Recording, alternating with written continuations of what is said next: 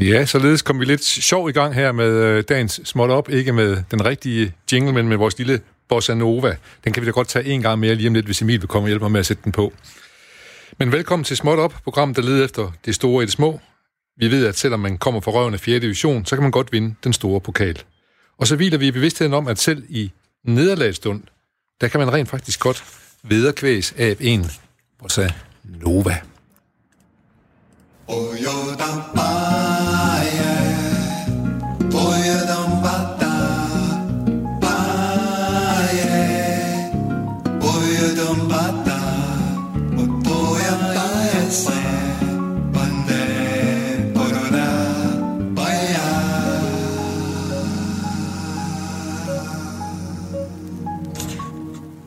Ja, torsdag den 11. juni er det i dag. Tillykke til prins Henrik, da vi havde kunne fejre endnu en fødselsdag og indtage morgenmad på Vinslot i Kaor, hvis han endnu var i blandt os. Og tillykke til fanen, som også har fødselsdag. Den skidtkald slipper vi nok aldrig for. Det er også i dag min tvillingssøstre har fødselsdag. Dobbelt tillykke til jer, siger jeg bare. Og lad os i det hele taget ære dagen og timen her mellem 12 og 13, som jo aldrig kommer tilbage i samme form som lige nu. Timen og dagen er original og egen, som Picassos Guernica og John Lennons stemme på Twist and Shout-singlen. Men uagtet, uagtet, så er dagen og timen også en del af noget større. Timerne kommer før den, og tiden, der kommer efter.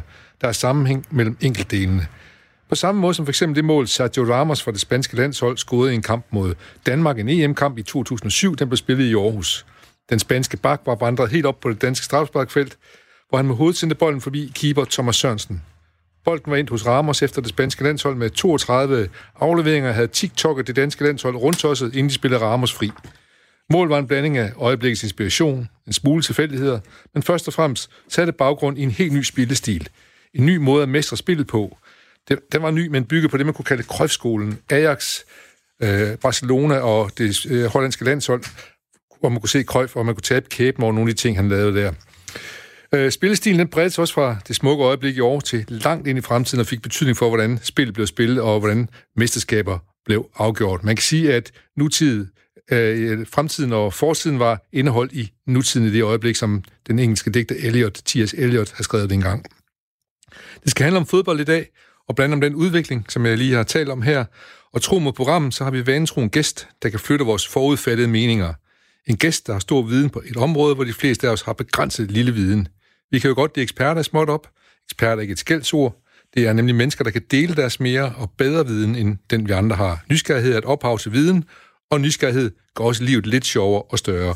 Så vi skal om lidt sige velkommen til en herlig ekspert, men først så skal vi lige have Breaking Smut.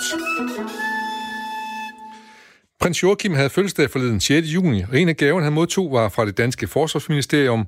Prins Knalhed blev udnævnt til brigadegeneral. Tillykke, siger vi, og godt det ikke er mig, siger jeg bare. Med udnævnelsen fik prinsen også en ny job. Han sprang køen af ansøger over og fik en treårs stilling i Paris som forsvarsattaché. Frankrig er en meget nær allieret og tæt strategisk partner, når det gælder kampen mod terror og opretholdelsen af frihed og fred, siger forsvarsminister Trine, Abraham, Trine Bramsen. Ansvaret øh, på forskellen mellem fred og frihed og terror hviler nu blandt andet på skulderen af den yngre kongelige højhed. Det er fornuftigt, at han fjerner sig fra Danmark. Han er overflødet, så er det fint, han blev gemt af vejen, siger en specialist i kongehuset, Søren Jacobsen. Han siger, at stillingen er absolut uden mening. Det er en paradeforestilling det kan nok blive godt, øh, og måske kan også få mulighed for at overskue det dansk-franske samarbejde fra en udgiftspost på Fars Vinslot i Kæver. Vi hæpper på prinsesse Maries mand. Hep, siger vi bare. Og så skal vi til det, vi har glædet mig rigtig meget til, nemlig at tale om fodbold sammen med Asger Hedegaard Bøje og om spillets forvandling. Velkommen til, Asger. Tak for det. Ja, jeg skal lige have været efter, jeg rendte rundt efter bolden her uden helt og frank, men øh, nu nåede i hvert fald til. Øh, Øh, jeg skal fortælle lige kort, øh, når du står op om morgenen og går ind på dit job, hvad er, hvad, hvor går du så hen, og hvad laver du? Jeg øh, går ikke så langt. Øh, jeg er journalist på øh, Weekendavisen, øh, og derudover forfatter til, til, til øh, en del bøger efterhånden til både børn og voksne om sport. Øh, så jeg, øh, jeg står op og øh, drikker min morgenkaffe øh, og spiser min yoghurt, og så sætter jeg mig ind på øh, mit kontor øh, i den lejlighed, jeg bor i, sammen med min familie. Et kontor, der også er min søns værelse. Så øh, jeg flytter mig ikke så langt. Øh, det gør jeg jo så indimellem, når jeg alligevel skal ud i, i virkeligheden. Ja. Og øh, du har skrevet en bog som, om, øh, om fodboldspillets udvikling, som er, er forholdsvis ny, så jeg, jeg, jeg kan næsten tænke mig, at fodbold det er de helt store interesseområder, selvfølgelig. Jamen, det er det. Ja. det. Og det har det egentlig været, siden jeg var øh, en lille dreng. Øh, men også i mit professionelle liv har det været... Øh, har det været omdrejningspunktet, øh, hvor man kan sige, at jeg har også beskæftiget mig i bredere forstand med kultur og litteratur og filosofi og alle mulige andre ting, men, men sport og især fodbold er ligesom det gennemgående ja. og det vigtigste for mig. Og, øh, og nu snakker du om, at det har været det ligesom, at du var, du var barn. Sådan har jeg det jo også lidt selv, så øh, omkring fodbold, der har vi jo en eller anden uskyld øh, til stede. Øh, fordi, og hvad, hvad tror du, øh, hvad, hvad var det, der fascinerede os som børn omkring det der fodbold? Både når vi selv spillede, men også når vi kiggede på de, dem, der, det, hvad skal man sige, de voksne, de stjernerne. Jamen, det er svært at sige, for det er rigtig mange ting, der gør sig gældende. Jeg tror også, det er meget forskelligt fra, fra barn til barn, men, men, men øh, en ting kan være det her med at gå ind i, vi kan sige, en anden verden, med, eller også bare i en anden øh, ramme. Altså det her med, at, og, altså det, det som et spil kan, er jo det her med, øh, det er nogle regler, vi sætter op, øh, og, og en genkendelighed. Øh, altså inden for en genkendelighed, inden for en genkendelig ramme, altså to mål og en fodbold og en skolegård, øh, så sker der alt muligt. Øh, øh, uventet ja. og uforudsigeligt. Og det tror jeg er det, der drager sådan helt elementært ved, ved spil og ved sport. Altså at, øh, fordi man kan sige, uden det første, uden rammerne, så, havde vi, så var det bare et, et, et øh, hvad skal vi kalde det, et show, eller et eller andet, øh, et eller andet vilkårligt. Så rammerne er enormt vigtige. Ja. Øh, det, vi kan ikke bare pludselig begynde at, at have tre eller fire mål i skolegården. Altså, vi har to mål, ja. og, vi har, og vi har nogle regler, og man må ikke begå frispark, og man kan få et rødt kort, og alle de her ting, de er vigtige. Og derudover er selvfølgelig den, den anden dimension, altså det her med, at alt kan ske, er også enormt vigtigt. Ja. Og øh, du har beskrevet den der, øh, hvad hedder det, øh, scene med Sergio Ramos, jeg prøvede på at beskrive før i, i EM-kampen øh, mellem Spanien og Danmark i år 2007. For det var jo også netop, øh, hvad skal man sige, et øjebliks inspiration, øh, som var en del af det mål, men det var jo også noget, nogle, nogle rammer, der var lagt ned over det på en eller anden måde, ikke? Jo, det var jo, altså man kan sige, en, som du også helt, helt rigtigt sagde, en kulmination på, på, på mange års arbejde, kan man sige, og en, en, en måde at se på fodbolden på, som så i det mål, i den kamp i Aarhus lige den dag, øh, gik op i en højere enhed, og derefter begyndte øh, først spanierne øh, og, og tale om, om den her tiki-taka, altså den her nye form for fodbold, hvor det galt om at have bolden, og galt om at dominere sin modstander, ikke ved at være den største og stærkeste, men ved at være den øh, ofte mindste og klogeste øh, og teknisk dygtigste. Øh, og, og, og hvordan det så spreder sig fra, fra Barcelona og Spanien og så ud i resten af Europa i løbet af få år, som, og bliver et ideal for øh, ikke bare professionelle fodboldspillere og trænere, men også for øh, drengene og pigerne i skolegården. Øh, men, men der var også lidt ved hen, det er, at i det der inspirerede øjeblik, som så følger baseret på timers og timers og timers og timers træning inden for rammerne af fodboldbanen, der kan man næsten genopleve uskylden lidt igen, ikke? Jo, jo fordi, øh, fordi man kan sige, øh, øh, sport er ikke kunst. Øh, det siger jeg altid, når folk spørger om, ja. øh, øh, hvad synes du? Øh, nej, det synes jeg ikke, det er, nej. men, men det, det kan ligne kunst. Ja. Øh, derved, at, at der er nogle folk, der er enormt dygtige til det, de gør, øh, og de har en næsten, øh, hvad skulle vi sige, mekanisk eller håndværksmæssig tilgang til det. Øh, ellers kan man ikke blive en stor kunstner eller en stor fodboldspiller, men udover det, så er der lige det der glimt, eller den der gnist af noget andet, øh, ja. og, og helt særligt. Øh, og det behøver man netop ikke at være religiøs for at se. Og det er jo det, som jeg synes er, er fantastisk i både kunsten og i sporten, at vi, vi, vi der ikke nødvendigvis øh, er, er religiøse, kan alligevel få den her fornemmelse af noget, der er større end os selv, og, og et øjeblik, som du siger, som vi vil huske måske øh, altid, eller i hvert fald lang tid fremover. Ja. Vi har et godt eksempel på det også, øh, at øh, en hardcore marxist som, hvad hedder han, Jørgen Nielsen, mm. som har skrevet bogen Fodboldengel om et guddommeligt øjeblik, da netop da Henning Jensen mm. skåret mål på Wembley kamp mellem de nye og de gamle EU-lande. Det må have været i 72. Mm. gang eller noget stil. Ja. Så det er sådan et godt eksempel på, hvordan et øjeblik det bliver til noget meget, meget større. Ja, og, og sport kan jo være rigtig mange ting, og det er jo nok også det, vi kommer til at tale om i løbet af den her time. Øh, altså forretning og økonomi mm. og alle mulige øh, øh, sådan øh, meget voksne ting. Ja. Men, men, men sport er jo også barnlig begejstring ja. øh, for, for øjeblikket, og for, øh, for det her, man ikke troede, der var muligt. Eller også det modsatte, det her sammenbrud, eller den her ærgelse, ja. øh, som jo også kan ligge i det, den her skuffelse over, ej, nu troede jeg, det skulle gå sådan her, og så gik det bare ikke sådan her. Ja, ja. Og så, jeg tænker på, hvis vi lige sådan skal blive tilbage til vores barndom. Jeg spillede også selv fodbold. Du har sikkert spillet i ASA, og jeg spillede, og du spillede også i Skødstrup, har jeg mm. fortalt om lige før. Jeg spillede jo i høj hele min uh, barndom og ungdom. Uh, Udover det at spille selve spillet og være sammen med kammerater, og, og, og det havde nogle af de kvaliteter, du talte om før, at man også kunne, kunne svinde fra virkeligheden, eller komme ind i en ny virkelighed i hvert fald, så synes jeg også, at det handlede om at, at, at have nogen, nogen, man holdt med. Altså, min far tog mig ud på staten og så AGF, for eksempel. Så nu holdt jeg selvfølgelig med AGF, når det var Danmarks mesterskaber og sådan noget.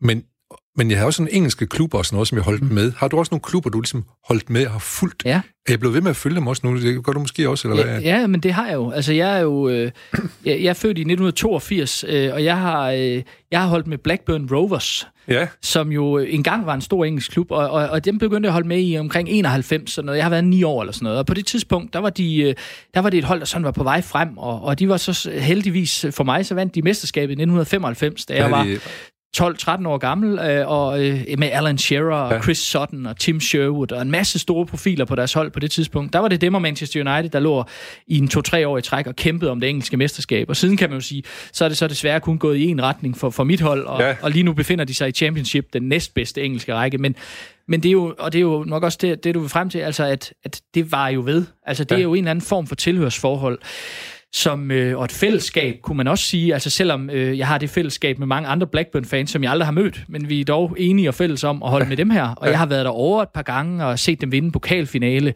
som dog desværre ikke på Wembley, som på det tidspunkt var under øh, ombygning, øh, ombygning ja. så det var i Cardiff, men, men dog så de vandt og, og har været over på Ewood Park, det lokale stadion, nogle gange. Ja. Og, og det, det, er en, det er en meget særlig fornemmelse. Øh, og følger du også lige, hvordan det er gået i weekenden, hvor de ligger henne i tabellen og sådan noget? Ja, ja, så det gør jeg, og, og jeg vil også sige, at jeg ser også de kampe, jeg sådan kan, kan have mulighed for faktisk. Nu det bliver sværere og sværere, jo længere de ligesom falder ned ja. i rækkerne. Men, men i de år, hvor de er i Premier League, der vil jeg sige, der ser jeg alle deres kampe også øh, stadigvæk. Og det, øh, så, så på den måde er det noget, jeg har med mig. Det er jo ikke det vigtigste i mit liv i dag, øh, men, men det er en vigtig del, og det er sådan en, en øh, det er ligesom, ja, en temperaturmåler, sådan ligesom på, øh, på humøret. Ja, ja, ja. Øh, men det er utroligt, at man faktisk så mange år har en eller anden form for øh, vedvarende solidaritet med noget, man øh, øh, holdt med i ens barndom, der kan man sige. Ikke? Det, det, jo, det er noget jo, helt særligt. Og, og, og, og en, en sjov ting kunne man sige omvendt, hvis man møder et voksen menneske, der siger, jamen i går holdt jeg med Chelsea, og i dag holder jeg med Manchester City, så synes man også, det er lidt en, altså jeg vil ikke sige karakterbrist, men, men man har alligevel sådan lidt, Ej. ah, det er fornemt, okay, ikke? ja. ja. Er du sådan en? Ja. Altså, så der er sådan et eller andet over det, øh, ja. Altså, øh, at, at, at øh, som, som en klog mand, hvis en gang har sagt det her med, at man kan skifte ægtefælden ud, men, men ikke fodboldklubben. altså, øh, og det, der er jo et eller andet om det. Ja. Øh, og, og der kan vi jo så se, at, øh, at hvor man måske tidligere holdt med sin lokale klub, så er der også sket noget på den front, hvor man... Ja. Jeg er jo et godt eksempel på det samme, ikke? Altså, at, at, at det, den klub, jeg har et størst tilhørsforhold til... Altså, jeg kan godt lide AGF, det er dem, jeg holder med i Danmark, men, men, men, men, men det er Blackburn, der ligesom er min hjerteklub, ja. og det er jo ja. mærkeligt, ikke? Ja. En klub, der ligger langt væk i ja. det andet sted. Jeg har ikke nogen øh, øh, forbindelse til den by, øh, udover at holde med deres fodboldhold. Øh, men det er jo noget, der er blevet selvfølgelig mulighed for på en anden måde i dag og i de sidste 20-25 år, end det har været tidligere. Ja. Øhm. Jeg, jeg kan lige sige for min eget vedkommende, så, øh, øh, så vil jeg sige, at Manchester United, dem, dem kommer jeg aldrig til, og det, og det kommer så af, at jeg havde den største fodboldoplevelse som, som, som barn, da jeg så dem vinde 4-1 over Benfica efter øh, omkamp. Ja. Øh, Bobby Charlson og, og George Best og mm. Brian Kidd, som vi skulle to mål den kamp ja, ja. og sådan noget der. Og så, men så havde vi og også Eusebio for, for ja, Eusebio Benfica. for, ja. for Benfica, ja. Det er stort. Ja, ja, det var, ja. det var en kæmpe kamp, den der. Ja. Så dem har, dem, dem har jeg aldrig forladt, uh, uanset hvordan det er gået, som de har været nede i anden division et par gange. Uh, og så, men så har man også en klodshandshold, man kigger efter altid. Shrewsbury, for eksempel. Ja. Det var sådan nogen, der var, det var ligesom i vores læng, der holdt vi med Shrewsbury. Jeg har faktisk nogle kammerater, for et halvt år siden vores eller et år siden vores Shrewsbury spil, fordi... Det er fantastisk, ja. ja. Så man har sådan nogle klodshandshold, man godt ved, de, de bliver aldrig mester, de går aldrig, de bliver formodentlig liggende. Vi kan godt bare håbe på, at de rykker helt ud af, ja. i, ud af intethed, ud i intetheden, ikke? Ja. Der er det jo meget oplagt, når man bor i Aarhus også, og vende blikket mod AGF i hvert fald. For eksempel, og der vil jeg så også sige, der kræver det også en gang imellem, hvis man er hardcore-fan, så kræver det i hvert fald en gang imellem, man tager sig sammen, ikke? Ja. For at gå på stadion.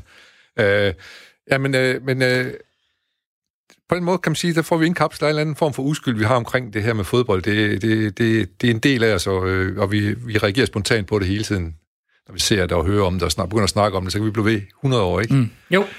Øhm, men, men der er jo sket noget øh, i de her år, det er din bog den handler meget mm. om, øh, øh, og du beskriver forskellige udviklinger, der er sket. Kan vi prøve at snakke om, hvordan, for eksempel om... Øh, jeg, jeg, jeg, jeg faldt lige, nu jeg så lige i min note her, der så lige et, et citat fra Per Olof Inqvist, som mm. også er god at, at gå hen til, når der skal handle om idræt. Han siger, dårlig provinsteater er ikke til at holde ud, men en kedelig fodboldkamp i 4. division er helt i orden.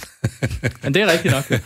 Var også den, den, den, den store gamle øh, sportsjournalist Per Højer Hansen havde jo også det her med, at han tog, drog jo rundt i verden og så fodbold på alle mulige store, fantastiske stadion. Men han, han synes også stadig, det var, det var skønt at komme ud og se en Serie 3-kamp. Ja. Så der er en eller anden elementær øh, fascination øh, som selvfølgelig, kan man sige, øh, også hænger sammen med hvad bliver, den fodbold, der bliver spillet på banen, men også den, ja, den her iscenesættelse af en, af en kamp ja. med fredelige midler, nogenlunde ja. fredelige midler. Ja, nogenlunde fredelige midler. Men øh, det er rigtigt, jeg har det også, hvis jeg udgår en tur ned i kolonihaven, hvor jeg oppe i højre har fået baner ned, så hvis der går nogen spiller, så, så skal jeg skulle lige hen stå ved sidelinjen og kigge lidt ud på ja. det, uanset, jeg, som, jeg ved ikke engang, hvem der er, der spiller, men det, ja. så spørger man om det, for man skal helst have nogen at holde med, for det er vel også en del af det der med fodboldspil, man skal holde med nogen. Jo, og fællesskabet også. Og fællesskabet altså, omkring de det her med nogen. coronatider, der øh, kan vi jo også se, at, at fodbolden er udfordret. Altså, det fysiske fællesskab øh, betyder noget. Ja. Altså, hvis vi pludselig var i tvivl om, det betød noget, og det kunne vi måske godt komme i tvivl om, når vi, i den her fodboldverden, som vi er nået frem til, som er enormt global, og enormt poleret, og enormt sådan strømlignet.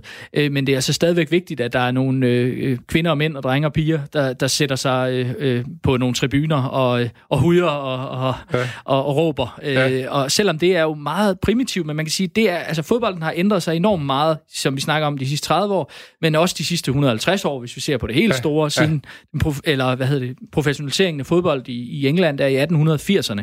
Siden da er der sket rigtig meget, men, men, men det, der ligesom er kernen stadigvæk, det er, at der er to hold, der mødes på en fodboldbane, og så sidder der nogle tilskuere, eller står nogle tilskuere ja. rundt om. Ja. Og, og, det, og det er jo overskueligt, det der skal ske derinde, men det uventede kan ske, som ja. du var inde på der, ikke? Jo. Det er vel det, øh, der er humlen i det. Ja, og, og uden tilskuer, så mangler man altså en, en, en meget væsentlig del ja. af, af den oplevelse. Ja. Du øh, lytter til Sport Op. Jeg hedder Jens Folmer Jebsen, og jeg har besøg af Anker Hedegaard Bøje, som blandt andet har skrevet forfatter til bogen om, øh, om fodbold og spillets forventning, og det er den, vi taler om lige nu.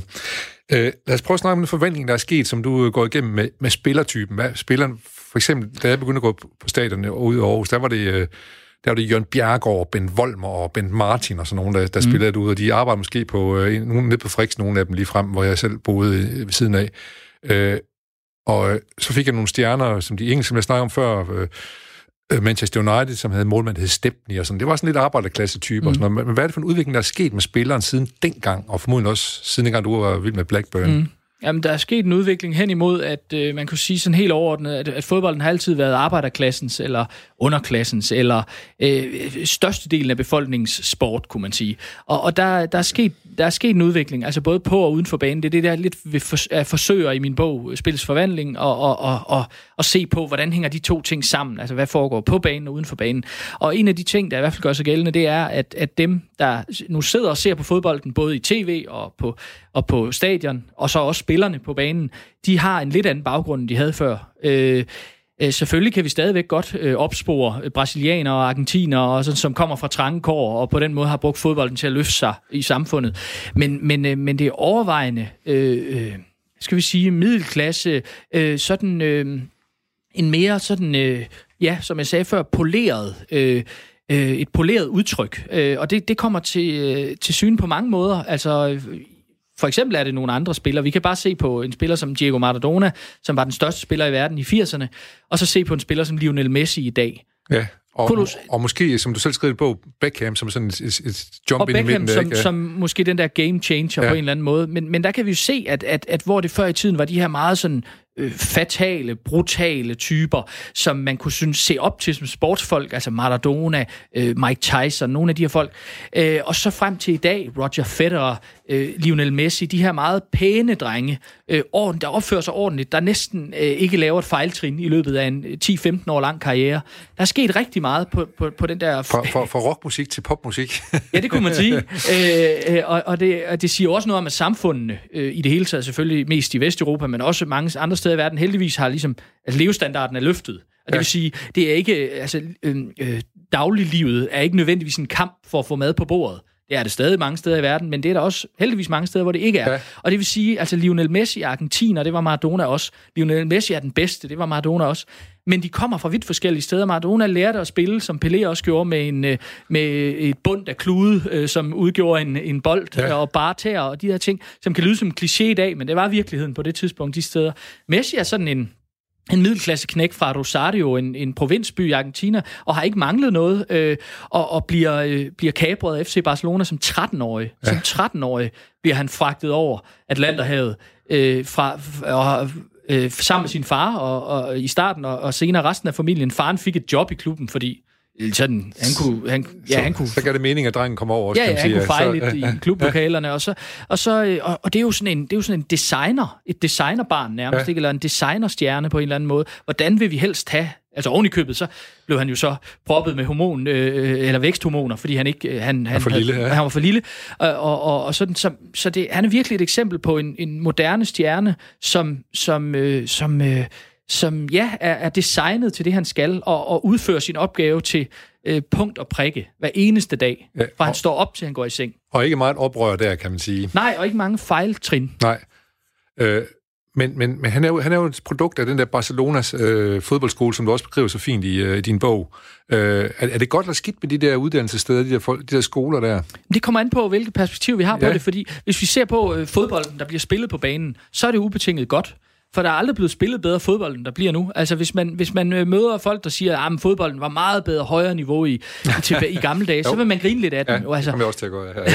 Nå nej, men, men der kan, derfor kan der stadig godt være en, en, en, øh, altså en, en kærlighed til det. Men, men rent fodboldmæssigt, altså vi ser, hvor hurtigt løber de, hvor, hvor meget kan de med deres fødder, øh, og alle de her ting, så, så, så er vi jo et sted, hvor, hvor vi hele tiden flytter grænserne for det, så det Ja. bliver bedre og bedre. Også vil jeg sige meget mere underholdende. Der har også været en, en tendens til, især i 80'erne og 90'erne, hvor det var en meget sådan lidt destruktiv, lidt defensiv fodbold, der blev scoret færre mål og sådan noget. Og der så vi et vendepunkt der med Ramos scoring, som du indledte med, Ja, øh, hen imod en mere sådan, øh, øh, øh, hvad skal vi sige, øh, konstruktiv, øh, sådan opbyggelig fodbold, der sådan ligesom, hvor det handler om, hvad kan vi skabe, hvor mange mål kan vi score. Vi vil hellere vinde 4-3 end 1-0. Og der, der er sket på ganske få år, 15-20 år, sket en, en, en, en, en kæmpe øh, ændring, som nok også, tror jeg, hænger sammen med, at fodbolden er det her underholdningsprodukt i den bedste sendetid, som Ja. det også er. Et kommersielt produkt også, ikke? Ja, og det vil sige, det er ikke nok at vinde kampe, øh, selvom man stadig kan høre trænere, der siger det, men det er også, øh, det, det er også vigtigt at underholde folk. Ja. Øh, fordi vi vil gerne have begge dele. Det er klart, vi vil ikke bare underholde og så tabe alle kampene. Øh, øh, men, men, øh, men den der kombination af at være den bedste og være den smukkeste, den, øh, det, det er blevet... Det er blevet øh, det er blevet idealet, og det, det, det stammer fra Barcelona, øh, fra de her år under Josep Guardiola. Øh, Så, så, så vil du sige, at Guardiola, han er egentlig tilfreds. Han, er han, er ikke, han graver sig ikke ned, fordi Manchester City taber en kamp.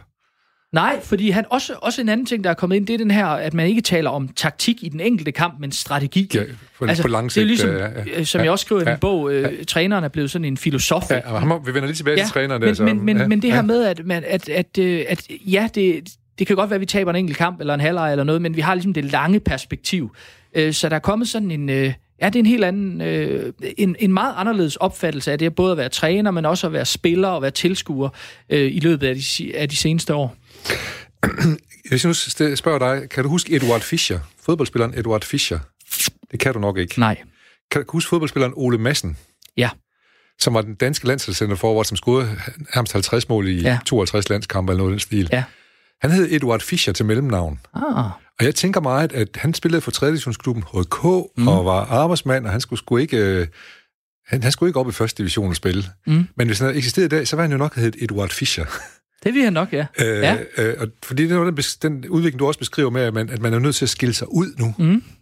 Kan Ja, du, altså, og, og et, et navn, der kan siges på forskellige sprog og sådan noget, det er jo altid godt, ikke? Ja. Eduard Fischer lyder sådan lidt som sådan en blanding af noget fransk og tysk, ikke? Og han kan allerede, altså, han appellerer globalt. ja, Ole ja, Madsen, det, øh, det går sgu ikke rigtigt. det går sgu ikke rigtigt. Nej.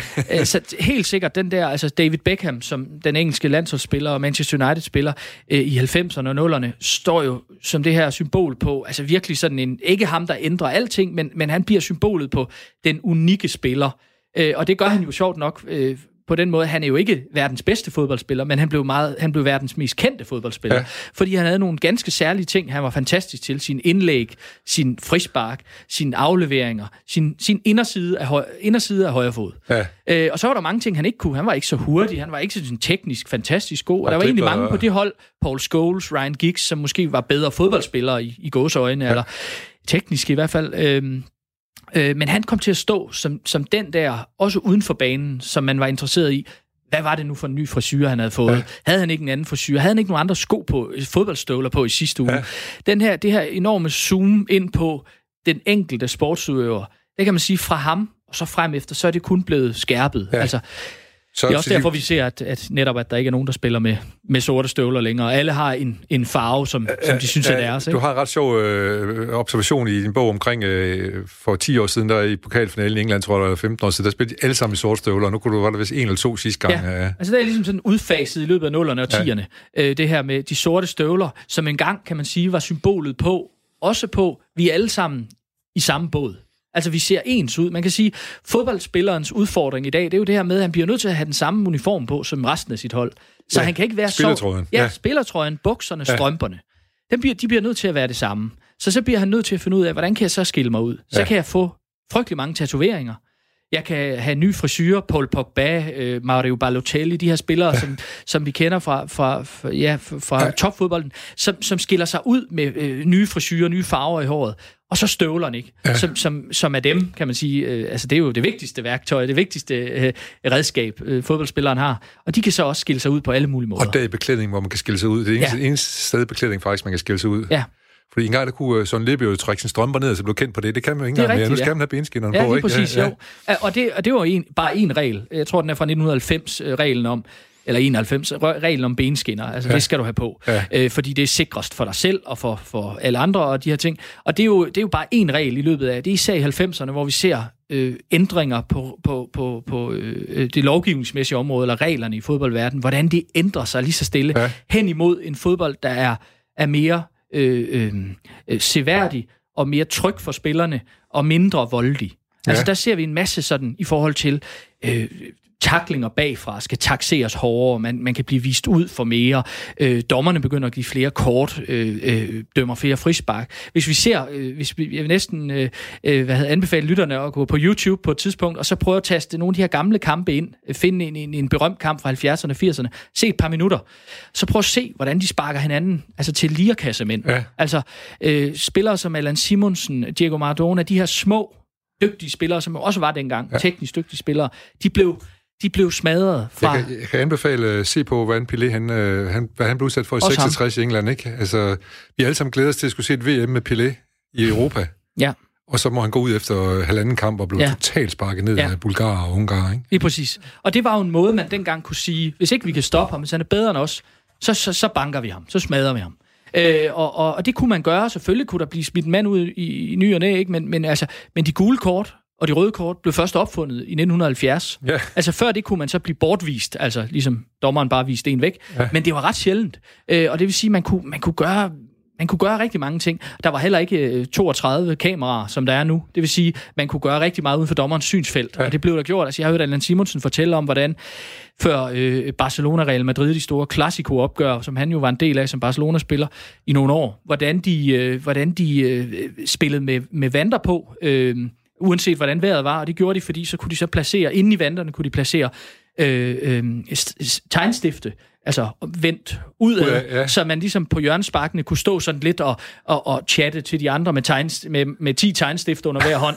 øh, altså, du kunne se, hvis det var sket i dag, altså ja. spilleren ville blive bortvist for altid. Ja. Altså, øh, så vores tolerance for, hvor voldeligt, hvor, hvor brutalt kan det være, den, den er helt anderledes i dag. Ja. Øh, jeg så i hvert fald en grænse for, da, da han begyndte at bide, hvad hedder han? Øh, den Suarez. Ja, ja. ja. Ja, og, og vi kunne tage en spiller som Pepe, den portugisiske spiller, ja, som nu øh, efterhånden brutal, er pensioneret, ikke? Men, ja. men som spillede i Real Madrid i, ja. i mange år, og som blev enormt upopulær, kan man sige, med god grund, men for at være voldelig på banen. Men havde han spillet i 1970'erne eller 60'erne, så havde han nok bare været en almindelig forsvarsspiller. Ja. Øh, så der er sket rigtig meget ja. der. Øh, der er nogle andre værdier, der gør sig gældende i dag. Vi vil gerne have, at de der sportsfolk, de skal være nogle, nogle gode fyre. Ja. Det, er ikke, det skal ikke være sådan, at, øh, den engelske landstræner, han kunne sige om Argentina, de spiller som dyr.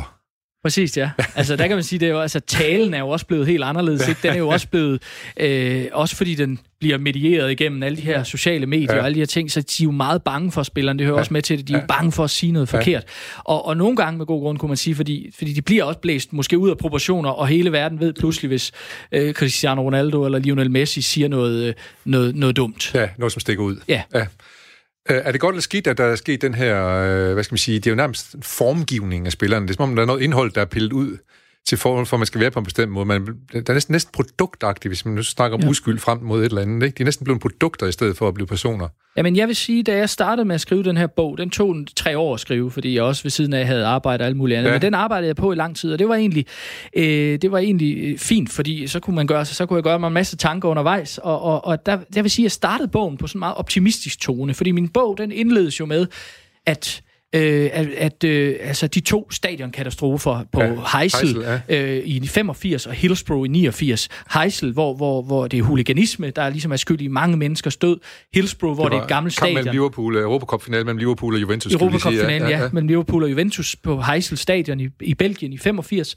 Og så den her FA Cup semifinale i 1989 mellem øh, Nottingham Forest og, og Liverpool, hvor, øh, hvor, hvor det er øh, et ekstremt dårligt politiarbejde, kombineret med et gammelt faldefærdigt stadion, som gør, at at, øh, at rigtig mange mennesker igen, primært Liverpool-fans, øh, tag, mister livet. Ja. De to katastrofer indleder bogen med for at sige, øh, at de var ligesom nulpunktet. Altså, øh, og det der optimisme måske kommer ind i min bog, at der sker ligesom noget andet. Ja. Altså, der, der er faktisk nogle politikere, der er nogle forretningsfolk, der er nogle fans, der er nogle klubledere, som siger, enten så lukker vi skidtet, enten så lukker vi den professionelle fodbold. Det taler de engelske politikere om der i slutningen af 80'erne. Skal vi lukke, lukke det hele? Øh, eller også så bliver vi nødt til at gøre det på en anden måde. Og, og der bliver i løbet af ganske få år, så bliver så ændrer fodbolden sig. Og det er faktisk en ret positiv fortælling i starten, synes jeg. Ja. Øhm, det her med, at, at der opstår jo nye øh, turneringer, altså Superligaen herhjemme, øh, Premier League, Champions League, øh, og, og, og det, det bliver ligesom... Øh, øh, og til øh, stadion, alle stadions ændrer sig, det bliver ikke ståpladser længere, det bliver sædepladser, det bliver sikre, og vi kan se, at øh, kvinder, børn, ældre, alle mulige andre befolkningsgrupper... Nær Iran på nær Iran, Saudi-Arabien måske, øh, for, for adgang til i, i Europa, øh, for adgang til stadion. Og, det, øh, og, det, og det, det er jo en god ting, kan man sige, ubetinget. Og så er det så måske, at der sniger sig sådan en vis øh, øh, form for ærgelse ind i min bog i løbet af kapitlerne. Og det vil man også, hvis man læser det, man kunne se, at det sidste kapitel handler også om, ja. hvad er så gået tabt. Ja. Øh, jeg tror også, det er den tone, jeg lige prøver at formidle her, ja. fordi jeg sad og læste den helt færdige i går, din bog, der som jeg var en fremragende bog. Øh, hvad hedder det? Øh, øh, så men man kan sige med, med, med hvad hedder han, øh, David Beckham, der bliver Edward Fischers typen øh, introduceret for fuld hammer, og så bliver det et produkt i stedet for. Mm. Og så handler det pludselig om, at spillerne skal bare tjene penge også, ikke? De skal tjene jo. rigtig mange penge, og de har også manager til at sørge for, at de tjener en masse penge, ikke? Jo. Og agenter, ikke? Som, agenter som skal, det jo, ja. Undskyld, men ja, agenter, ja. men de skal jo virkelig, øh, de skummer også fløden, ikke? Og, og det er rigtigt, fordi, men, men, og det er vigtigt, tror jeg, for mig at sige, altså sådan, min kritik af det her er ikke en kritik af professionalisme, mm. fordi øh, professionalismen i fodbold, som jeg sagde før, den opstår i 1880'erne i England. Det er bare også herhjemme i Danmark, der var 100 år senere om. Og, altså, vi er jo det sidste land overhovedet ja. i Vesteuropa, ja. som, som bliver professionelle der Meget patetisk, i, i 70'erne. Jo, jo, vi holder fast i amatøridealet for enhver pris. Øh, det kan godt være, der er en masse, der tjener penge rundt om fodbolden ja. på det tidspunkt i 70'erne, men spillerne må for guds skyld ikke. Så det er ikke der, jeg vil hen. Det er, øh, professionaliseringen af fodbolden er, er enormt vigtig, øh, men, men det er måske den der, sådan, vi kunne kalde sådan hyperkommercialisering, eller hyperglobalisering, der er sket de sidste ja. især 10 ja. år, ja. hvor man kan sige, at, at spillerne, øh, de har altid tjent gode penge, fodbold, professionelle fodboldspillere, men, men de eksploderer. Ja. Og forskellen på øh, lønningen for ham, der sidder på stadion, eller hjemme i sofaen, og så til, til, øh, til spilleren eller træneren, ja. er jo altså ekstremt meget større, altså den grøft eller forskel økonomisk, der er der, ja. end den var ja. for bare 25 år siden. Du nævner på et tidspunkt, Peter Shilton er den øh, højst lønnet i, øh, i, i den engelske liga på et tidspunkt for 1100 pund om ugen, mm. eller sådan en stil. Ja, som selvfølgelig øh, på det tidspunkt... Øh, det er jo pænt med penge, har, selvfølgelig har kan man sige. Ja. Mm.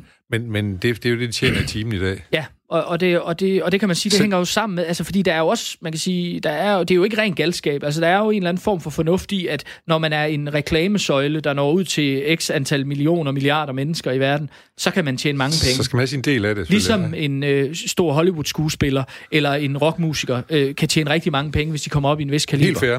Men, øh, men man, man kan sige, at der er mange fodboldspillere i England, som Altså, man spiller nogen i Stoke nu i anden division og lavet nogle gode kontrakter, eller championship, som det hedder, som har lavet nogle gode kontrakter, da de var i Helt vildt. Premier League altså, som skovler ind, ikke også? Ikke? Altså, man kan jo sige det på den grund. måde, at Premier League er et kapitel for sig, fordi ja. den appellerer til, til 200 lande i hele verden. Og, men, men Championship, den næstbedste række ja. i England, der er de jo altså millionærer, dem der løber rundt ja, der. Ja. Øh, og de er jo fine nok fodboldspillere, men, men det er jo ikke, altså, det er jo ikke toppen af poppen. Nej. Altså, øh, så, så der er også sket sådan en, og der er jo også mange klubber, der hele tiden balancerer på randen af kollaps. Ja. Øh, I Spanien bliver de store klubber, kunne man sige, ja. selv Barcelona og Madrid, bliver holdt, øh, øh, altså der, der bliver holdt hånden, bliver holdt under dem af mange af de her øh, spanske banker, ja. som har kæmpe store udlån til dem hele tiden.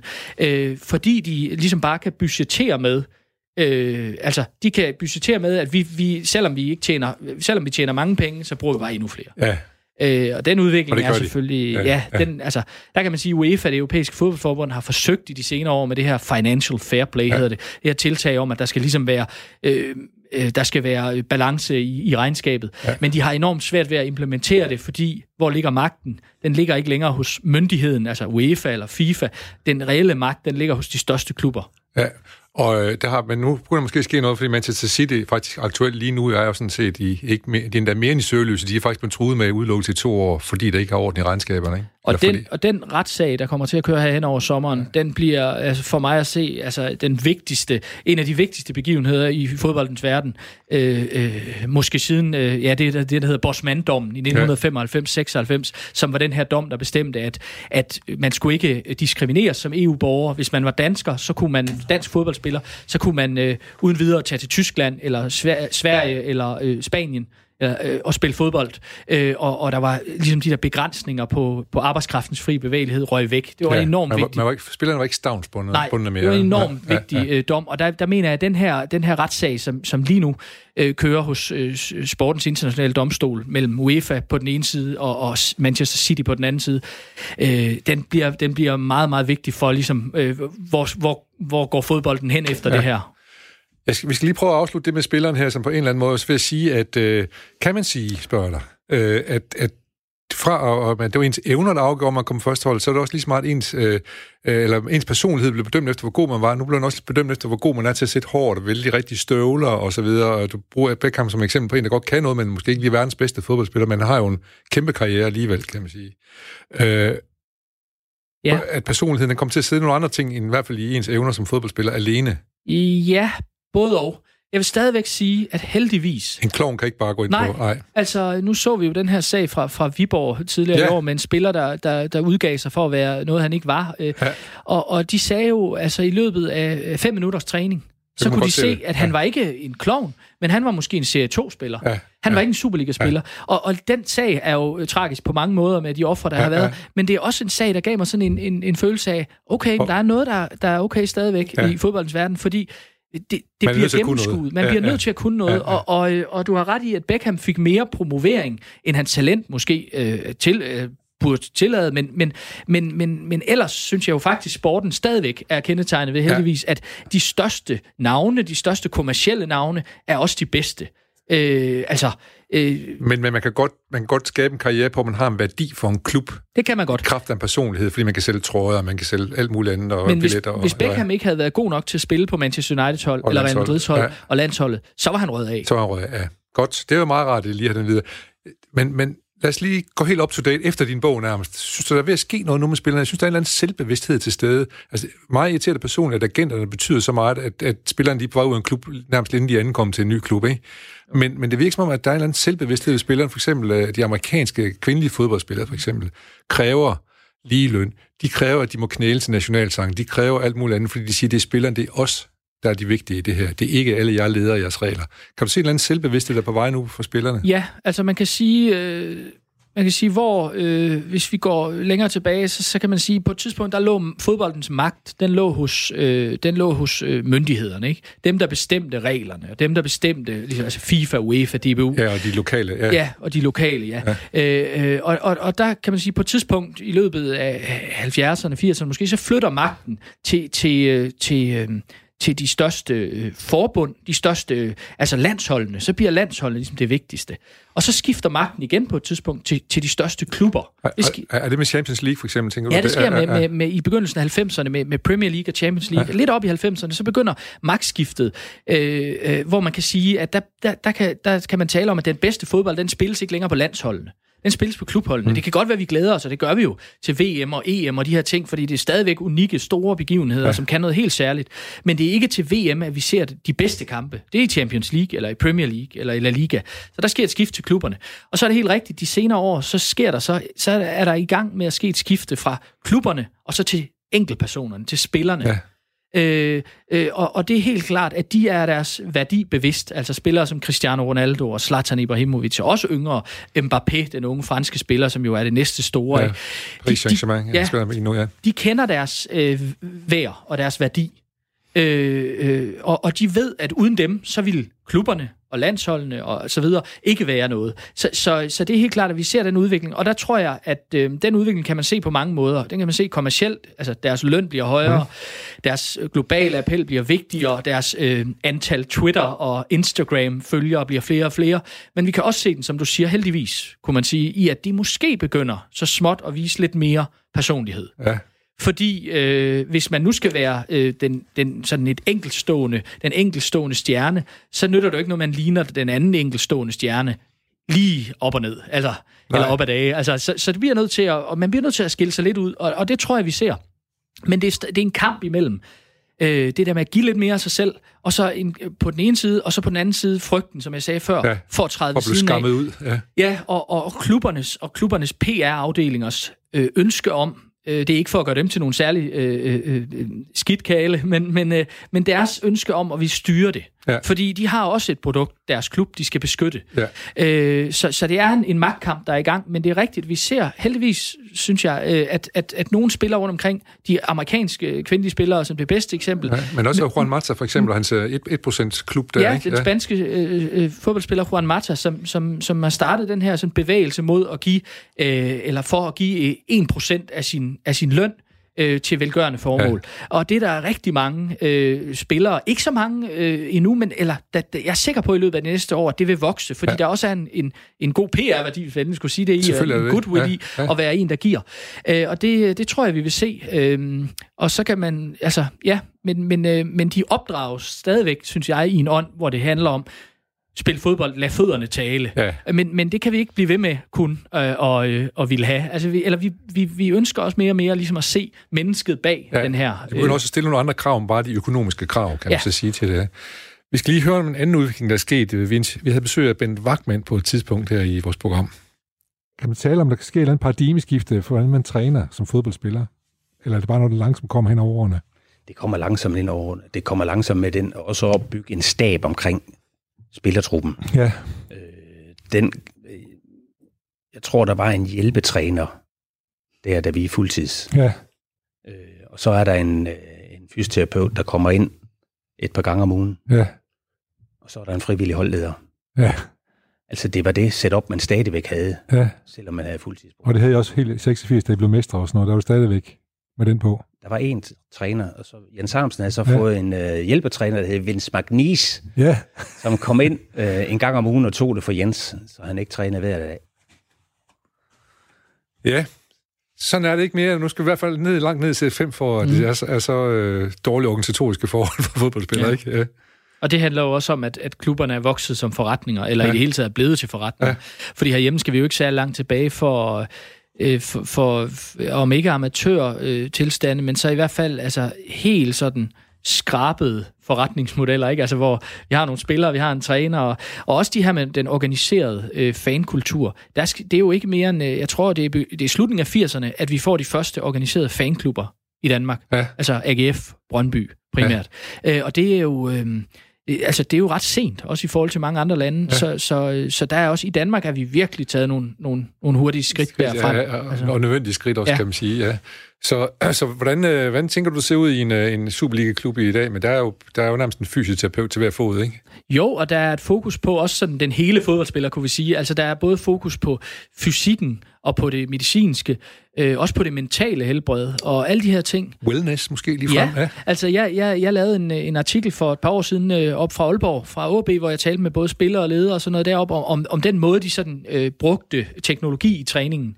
Øh, og det her med, at spillerne øh, hver morgen, når de vågner, øh, kan, øh, skal, skal taste ind, hvordan har jeg sovet, fik jeg min morgenmad, hvordan ser knæet ud, øh, på i en database, som øh, så kan tilgås af, af klubbernes øh, øh, personale. Altså både den lægelige stab og fysioterapeuter og trænere og, og de her ting. Og det er jo altså man kan sige, det er jo fornuftigt øh, ud fra et perspektiv, men jeg synes også en lille smule skræmmende, altså, fordi de bliver i hvert fald, altså de bliver målt og vejet. Det er fodboldspillere altid blevet ja, på banen, ja. men i dag bliver de målt og vejet også selv til træning og hele ja, tiden. Ja. Altså, og hvis der er det mindste udfald, så kan vi se det på, på, på den pulsmåler, vi står øh, ja, med, ja, på, på, med ja. på en tablet på træningsbanen.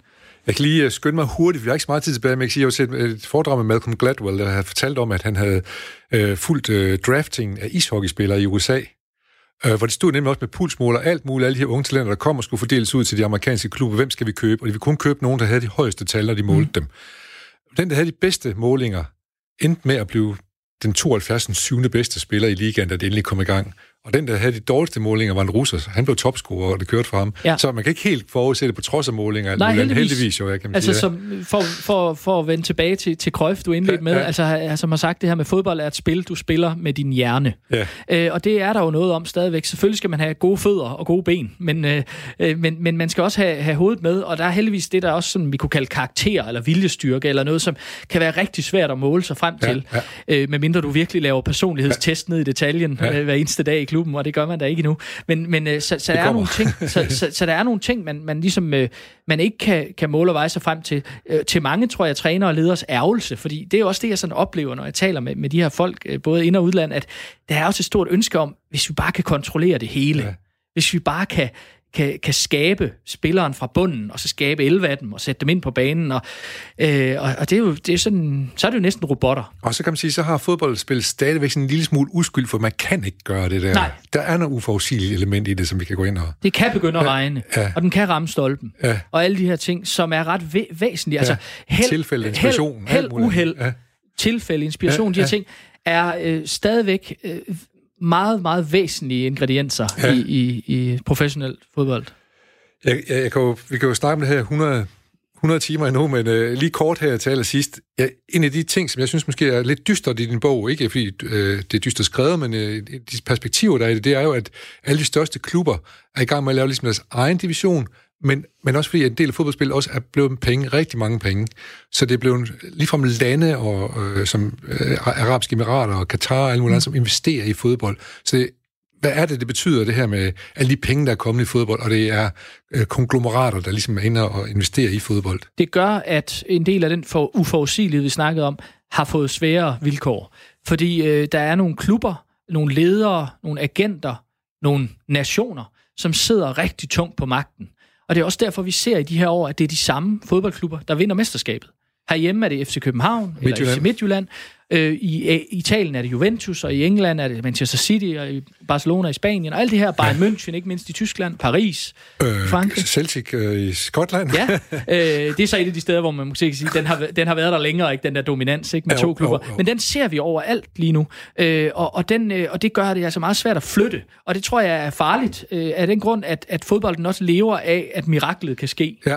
Det lever af, at Danmark kan blive europamester, eller at Grækenland kan blive europamester, eller at Leicester... At Skagen kan, kan slå Brøndby. Skagen kan slå Brøndby i, hvad var det, 89 ja, eller sådan noget. At Leicester kan blive mester i England. Og, og, og den mulighed bliver mindre og mindre og mindre. Så vi får, vi får sådan en, som man også kunne sammenligne med andre brancher, men en samling, en magtkoncentration, som er helt vild i de her år. Altså på ganske få klubber. Det er også de samme klubber, der hvert år, når der bliver lavet en liste over de største øh, øh, og, og dyreste fodboldforretninger af fodboldklubber, ligger øh, side om side. side ja. Øh, ja. Så derfor så er også måske en logik i, at de forsøger at måske snige sig lidt udenom øh, de nationale ligaer, og næsten deres egen liga. Ja, det har jo været noget, de simpelthen har, har truet med i så mange år, ikke? og man har hele tiden tænkt, ah, men blev det ikke ved trussel, men, men det er rigtigt, det bliver, den bliver luftet igen, den her trussel om at, at trække sig helt fra, altså ud af, altså en 10, 15, 20 klubber, der måske trækker sig ud af resten af fodboldsamfundet. Så Juventus sige. Øh, kommer i, i, i, i spil med Barcelona, Real Madrid ja, og Manchester United, og så kan de flyve rundt på kryds og tværs, ja. som de allerede gør i Champions League ja, nu. Ja. Øh, og det mener jeg, om ikke vil være fodboldens død, så i hvert fald vil være, altså, vil være en, en meget, meget skidt ting, fordi at, at, at den der forbindelse, der skal være, eller forestilling om forbindelse fra knægten eller pigen på 6 år ja. og op til Lionel Messi, den skal stadigvæk være der. Vi skal, ikke have, ja. ja, og det kan godt være, at det ikke kan ske. Det kan godt være, at det meget sjældent sker, men vi skal have forestilling om, at ja. det kan ske. Og så lige her sidst kan man sige, at, at der, der er også kæmpe pres på for, at store kampe skal flyttes andre steder hen, eller Clasico skal spilles i New York for eksempel, og sådan noget mm. stil, fordi der er penge i lortet, ikke? Jo, og det er jo også igen ja. en, det her med at, at, at, at glemme måske lidt, at fodbolden stadigvæk har rødder lokalt ja. og regionalt. Ja. Tusind tak øh, for øh, dit de besøg her.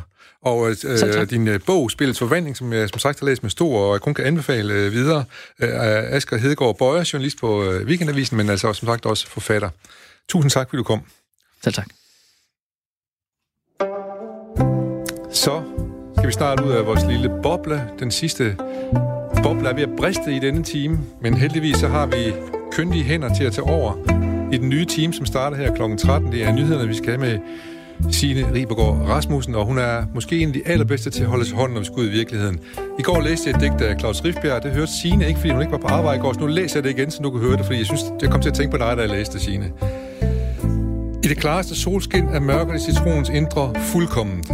Skåret i to halvdele, lyser den på køkkenbordet som glas. Pres denne stringens, drik og dans. Dans nyhederne for os, Signe Ribergaard Rasmussen.